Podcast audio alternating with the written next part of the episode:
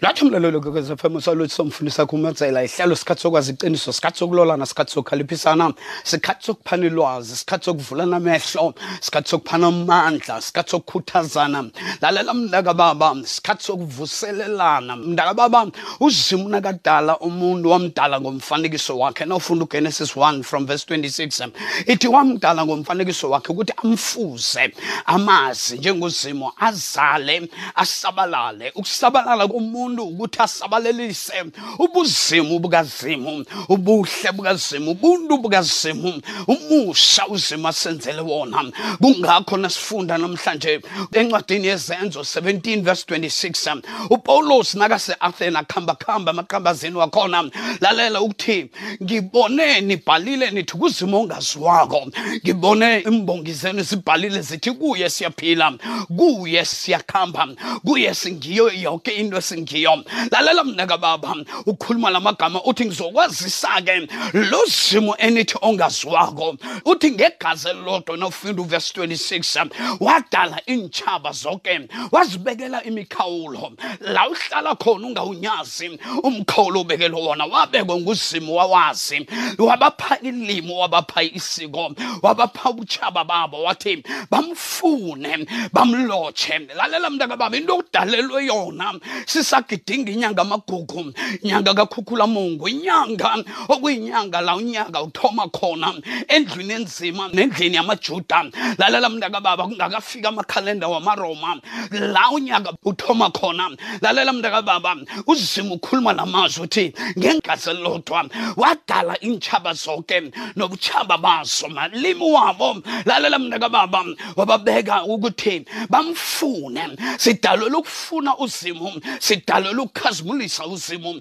sidalelwe ukuphakamisa uzimu sidalelwe ukwazisa uzimu ngombanyana ukufuna sikusabalale kusabalala intando yakhe nakakhuluma kumalaki umalaki chapter 2 uthi kuba yini ngifuna inzalo uthi ngifuna inzalo eyongifuza lalela mntakababa uzimu nakafuna inzalo ufuna inzalo eyomfuza ukuthi nabantu ababona wena babona uzimu omlotshako mfune ngobundebele bakho mfune umlotshe ngobuswadi bakho mfuna umlotshe ngobukhoza bakho mfune umlotshe ngobupedi nobusuthu bakho lalala mntaka baba uzimu akafuni simfune ngemikhwa sesiyenzako engasindlela kazimu akafuni simfune lalela mntaka baba ngezinto esesizenzele zona sabo singazimu sathi sithokozisa uzimu silotsha uzimu lalela nawufunda kumshumayeli 12 ibhayibhile lithi umuntu nakafako umphefumulo ubuyela kuzimu lophileko lalela mntaka baba nawuthi uyokuphahla lehlabathini emathuneni uphahla bani ngombanyana umadzela othe ukhambile vela kasekho leya ihlabathi lawo mathambo omunye umthelela nesinefu kanti zange akhakhokha isinefu lalela mntaka baba sithethe into zakosobantu sazenza zethu amanguni lalela neminye imihlobo amapedi siphiwe amagedla ngaphandle kokuthi bathi idlozi lam lithe kade bazi nokuthi balaphe isizwe njani lalela mntaka baba kungakho namhlanje imithi yethu seyiphethe ubonindlebe ezikhanyelanga bayenza amapilisi kodwana na uya ku-herbalist awuziboni uye egedleni uzibona uya emntwini ofundileko ngombanyana yethu into siyithatha ukuthi isebenza ngalo ukuthi ufundile lalela uzimo wasipha ukuhlakanipha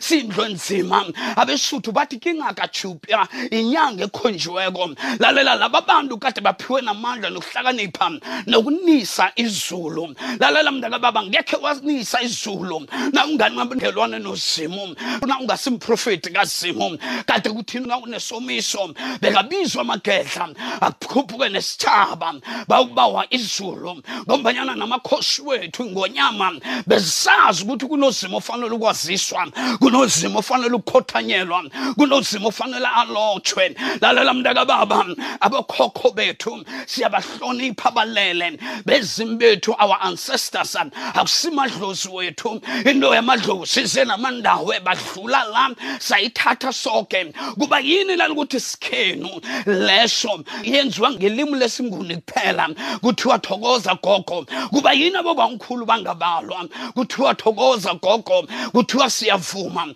kuba yini amapedi bangathi dumela uthi kuyadumela lalela sekuthwasa namakhuwa bendlebe ezikhanya ilanga sekuthwasa namakhaladi kuba yini bangathi ya extem sam lalela mndaka baba bakhulume ngelimi labo akhe sibuyelela sikhulume iqiniso abakhokho bethu namtshana bobangikhulu bethu kade bandlulula amatsonga bathi akusibantu kodwana namhlanje bayakwazi ukufuna isizo enyangeni yomtsonga bathi uba mkhulu ukhulume ngaye kodwana ngizibuze ukuthi bakhulume njani naye ngombanyana nelimi lakhe abalazi lalela mntaka baba kunezinto esizenzelako sizibumbela bosingazimu sizithathela isiqalekiso kuzimu asibuyele kuzimu sifune indatha zethu kade siphezona zimila nangemajardeni wethu irhaba layaphi lalela mntaka baba umnungwana wayaphi lalela sinemkhuhlane nje akasazi ukuthi siphile ngani ngombanyana salahla namangana sathi zizinto zikasathane usathane akanalitho ephasini yoke into yatshelwa nguzimu esimini ye-edeni incana lathoma lapho irhaba lathoma lapho umnungwane wathoma lapho lalela mntakababa isirugulu sathoma lapho lalela izambane lelo nenzimbisa lalela mntakababa lathoma lapho isigenama sathoma lapho kuba yini-ke sesilahleka sifuna ukuthi silatshwe ma-physiologist i-physiology ngileli gedla lamakhuwa elize e-afrika lafunda umuthi lilapha ngemithi ye-afrika nemithi ye-asia nemithi ye-india lalela uzimu ufuna abantu bakhe bavuke bahlakaniphe bavuke emaqandeni uthi abantu bami bayafa ngenxa yokuhloga ilwazi lalela mntaka baba sihloga ilwazi nje kungoba sivumele abondlebe ezikhanyelanga baletha isiko labo bangakalethi ukukholwa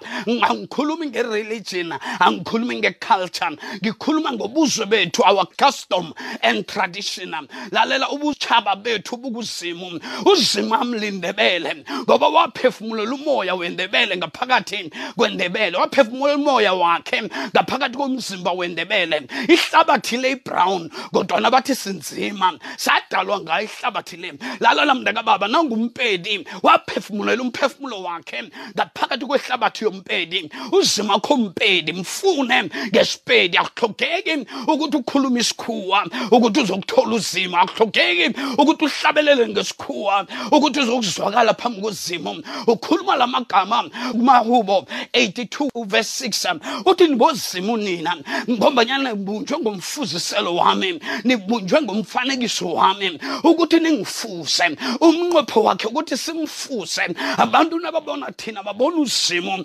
abantu nababona thina babona ubukhona bukazimo sigidinga ubuchaba nobuso bethu asiphakamise owasidalako asiphakamise uzimo wethu owasidalako wasidala ngomnqopho ujesu uyayikhuluma kodwa le ndaba kujohn 10 verse 34 ukuthi nina nibezimo nabunjwe ngomfuziselo kazimo ngakho-ke nimfune nimfune ngobutshaba benu ngombanyana nguye wasibekela imikhawulo wasipha amalimo lalela kunelimo eliberegiswa kwigama eliberegiswa kwebhayibhelini ukuthiwa ngukhushi sithoma ukulibona na ufunda kugenesis 10 unowa nakabeletha abentwana omunye wabesana bakhe nguhema nakabeletha wabeletha i-first bone yakhe izibulo lakhe kwaba ngukhushi ukhushi kutshiwo umntu webala elinzima ibhayibhile na ikhuluma ngeetopia ayikhuluma indawo ikhuluma ngomuntu webala elinzima lalela mntakababa bondlebe ezikhanyilanga bathina bafikako eafrika bathi thina siqalekisiwe unowa zange aqalekisa ukhushi waqalekisa ukanana inzalo yesine ngombanyana okubusiswe nguzimu akunamuntu onamandla kodwa ukukuqalekisa lalela mntakababa nomoses nakakade akhuliswa egibhithe uzim bekamkhulisa ngomnqopho wokuthi kuzokufika ilanga la zokubalekela khona emidiyane emidiyane zinzukulwane zaka-abraham nawufunda kugenesis 25 ibhayibheli lithi u-abraham ngemva kukasara owambelethela u-isaka ngemva kukahagari owambelethela u-ishmayele la sesikhuluma-ke ngamajuda sikhuluma ngama-arabhu kodwana wathatha omunye umfazi umuntu onzima obizwa ukhethura na ufunda ugenesis 25 ibhayibhili lithi wambelethela abesana abasithandathu omunye igama lakhe kade kungumidiyane kungakho ibhayibhili lithi umose wabalekele emidiyane emidiyane wafunyana kunompristi lo mpristi bekumpristi omnonzima ngamanye amagama ulwazi likazimu kade livele likhona eAfrika kodwana amarhumutsho weBhayibheli nakabhalwa kade azama ukufihla amagama wabantu abanzima eBhayibhelini ngoba amarhumutsho la abhalwe ngibo bondlebe ezikhanyilanga bona abazamva eBhayibhelini sifunyana la uMose nakathatha uZibhora nawufunda kwincwadi numbers 12 lalela umiriyamu no-aroni bakhuluma nakamagama bathi singamhlonipha njani umoses athethe umuntu onzima na ufunda numbers 12 ufunde from verse 11 to 16 uzima ubethu umiriyamu ngesilephera ngombanyana adelele ubuzimu wadelela omunye wesitshaba sakhe sendlu enzima ngombanyana uziphora mukamoses kade mntu onzima ibala lakhe kade linzima ukubandlulula kwathumi nje kade kwathoma lalela mntakababa uzefaniya umprofeti isizukulwane sikahezekiya siyimbewu yakhushi yimbewu yomntu onzima lalela ungazinyazi-ke zazi ukuthi ungubani uvelaphi uyaphi ungavumeli abantu bakukhalale bakunyaze ngombanyana ukukunyaza kwabantu kuthome ngawe ngombanyana ubavumele ukuthi bakunyaze abantu kekhe bakuzwisa ubuhlungu ungakabanikeli ithuba lokukuzwisa ubuhlungu lalela mntaka baba uzimu unguzimu othembekileko uzefaniya umprofeti nawufunda uchapter 1 noverse 1 ufunda uchapter 3 noverse 10 ibhayibheli likhuluma ngokuthi uzefaniya sizukulwane sikahezekiya yena owabizwa ukuthi msana kakhushi ngamanye amagama umprofeti lo umprofeti osizukulwane sikakhushi sinomprofeti womuntu onzima lalela mntakababa uzimu akakasiqaleli phasi njengento enzima begodu azange asiqalekise ukuthi sibe nebala elinzima ngakho na ufunda kujeremiya 38 no-39 likhuluma ngo-obed meleke omuntu onzima okade advayisa noma bonisa ikosi nasekuthethwe ujeremaya wakulahlela emgodini iba nguyo zekosini athi sizokwa nesehlakalo esimbi ngokulahlela umprofeti emanzini ngoba uza kufa ibhayibheli lithi ikosi ithi khambani niyomkhupha lalela mntakababa ngombanyana kukhulume ini kukhuluma ukhushi kukhuluma umafrika kukhuluma indebele kukhuluma umsuthu kukhuluma umxhosa kukhuluma umzulu kukhuluma umvenda kukhuluma umtsonga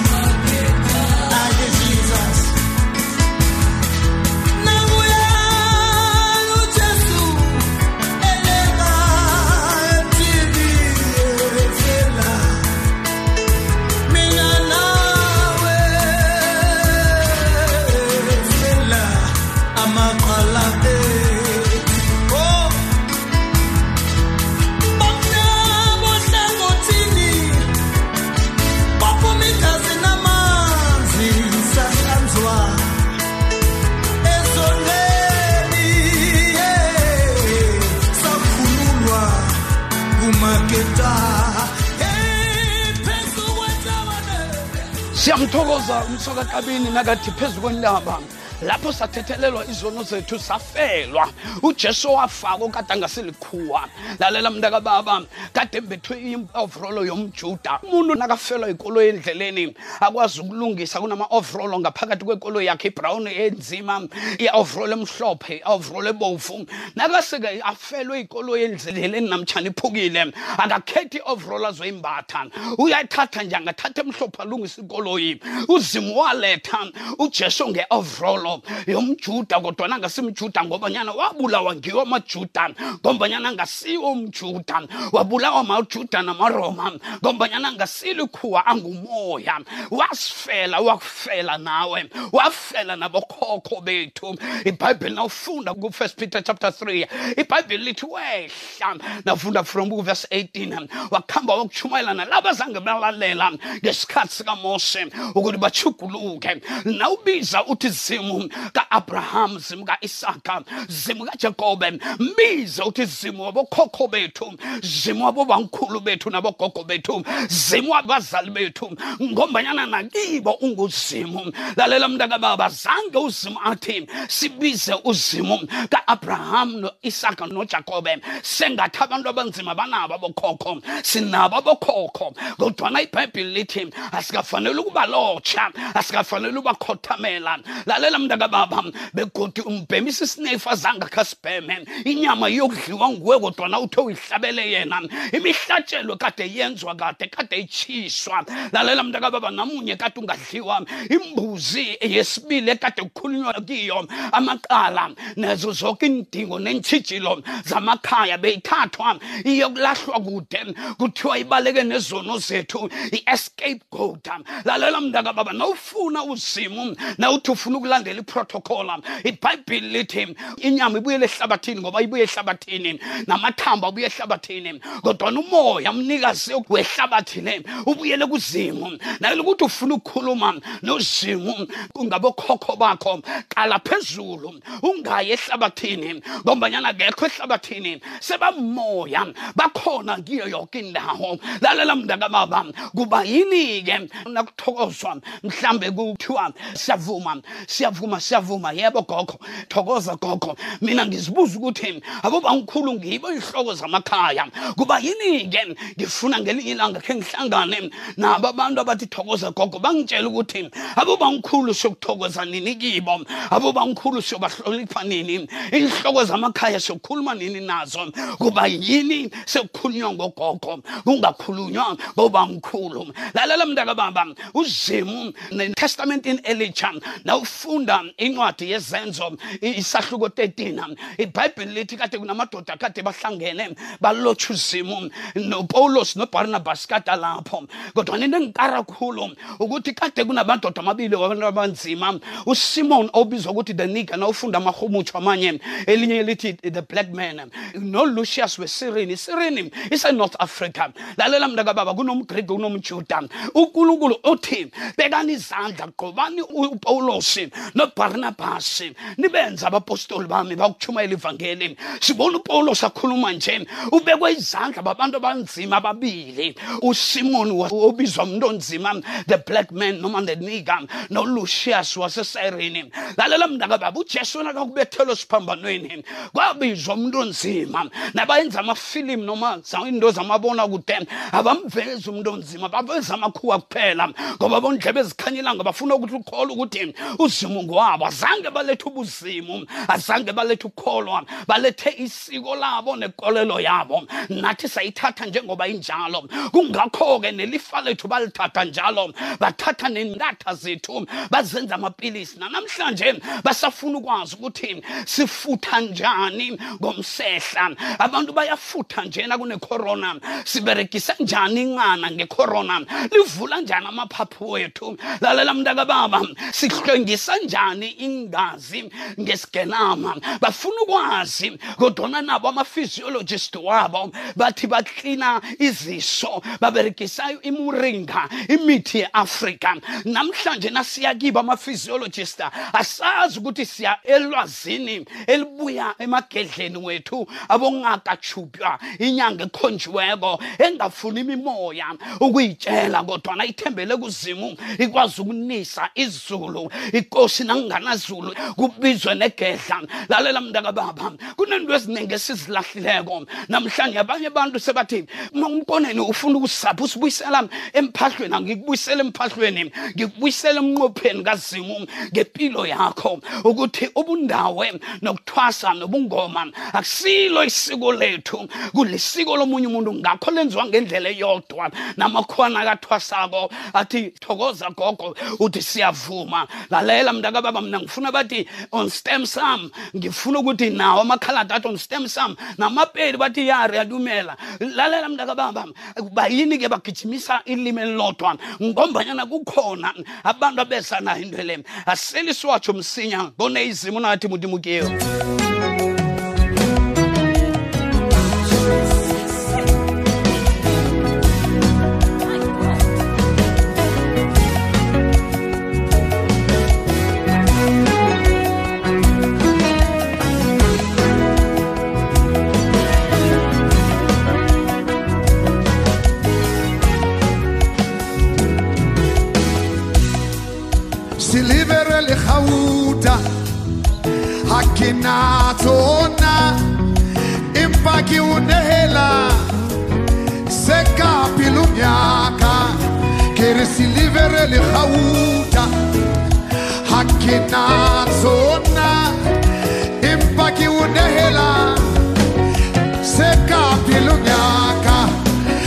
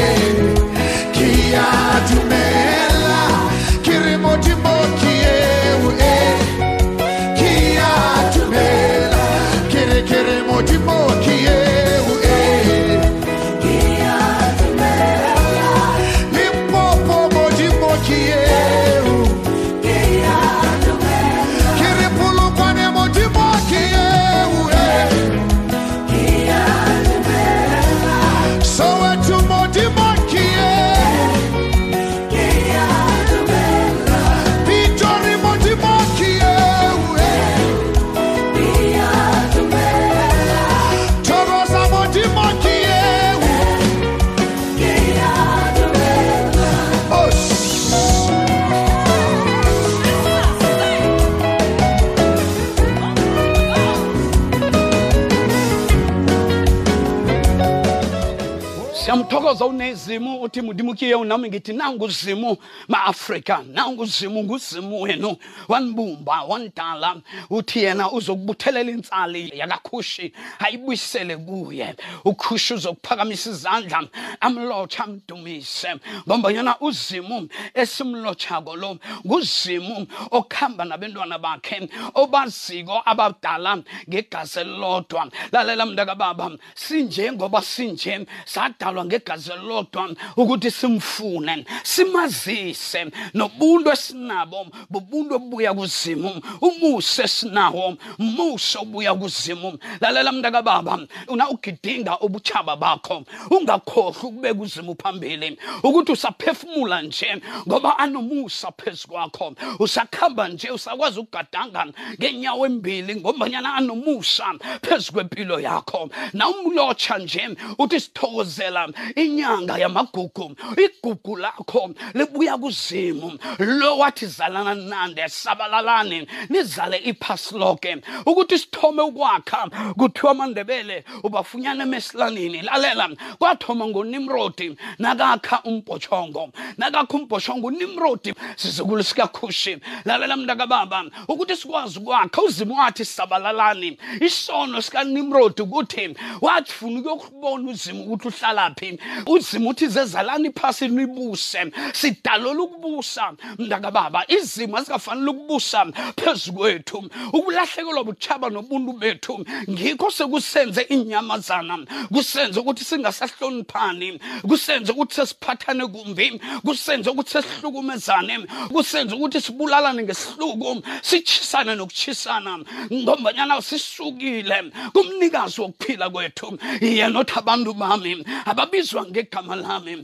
abazithobe bafuna ubuso bami baphenduke ezonweni zabo uthi ngiyakubezwa ngisezulwini bese ngiphilisa iphasi labo sigidinga ubutshaba bethu asibuyele enyaweni zikazimu asibuyele ebukhoneni bukazimu asibuyele ebuntwini bethu ma-afrika njengendlu enzima asibuyele ekugidingeni ubutshaba bethu ngobundebele bethu ngobupedi bethu singaqaleli amasiko wethu phasi lalela mntaka baba nasikhuluma ngamasiko angikhulumi ngento lezi nina nikhambe nizidobha endleleni ngikhuluma ngekhastom yakho netradition yakho ubuwena bakho ubuwena nokuthi nawuthi sikhethu utsho ngani ukuvunulisa sikhethu mtshato wesintu mtshato nakuphambi kozimu lalela mntakababa nokuphana izipho kwavela kuzimu ungezwa umuntu azokutshela athi awukatshati ngombanyana ukwafaka iringa kunala ibhayibhilini ibhayibhili ithi ufaka iringa ubonakalisa ukuthi wendile namtshana utshadiwe lalela mntakababa kukho la ibhayibhilini kuthiwa ufanele wembathe ingubo emhlophe bese kuthiwa lo mtshato lelo lisiko lebritain leza noelizabeth kodwana namhlanje abantu abatsha bethu ngombanyana bangasazazi ukuthi bobani bangasahloniphi amasiko wabo ukutshela athi mina ngifuna ukutshata i-white wedding uyezwe white ngifuna ukutshata umtshato wezizwe angifuni umtshato lo wesintu lalela mntakababa kuba yini into enzima sesisaba ukuberegisa iinto zethu ukuthi emasikweni wethu nasenza iminyanya yethu kula siloyana khona ngombanyana namhlanje sinazo iinyanga ezilaphako njengamagedla sinezangoma ezithwasa three months seven months sezithwasele zokubetha abantu ngembani zifake abantu isifula kodwana bangakwazi ukukhupha isifula lalela mntaka baba sifuna abantu nawuqala nje namhlanje ungathi ukuthwasa imakethe sibona abosaziwako benu babomabona kude bathi bathwasile awazi ukuthi uphethwe ngiliphike idlozi noma uthi uyakhuluma nje soyeza ukuthi akayazi nento ayithoko nabona abethwa phasi uyathoma uthi sho ukuthi amadlozi angijamele ngenyawo lalela mntaka baba abezimu bethu balele balile kuzimu balindile ngemhlana bayokuvuswa ngamaruwe baphahla awutsho litho ubhalelwe ukubahlonipha abasaphila lalela mntaka baba ngila ukukukhumbuza ukuthi buyela la ubusuka khona uzimu ukhuluma kurevelation 3 uthi ngiyayazi imisebenzi yakho kodwana kunento yodwa oyenzileko ulahle ithando lakho lokuthoma khumbula la uwe khona vuka ma-afrika buyela endlini kazimu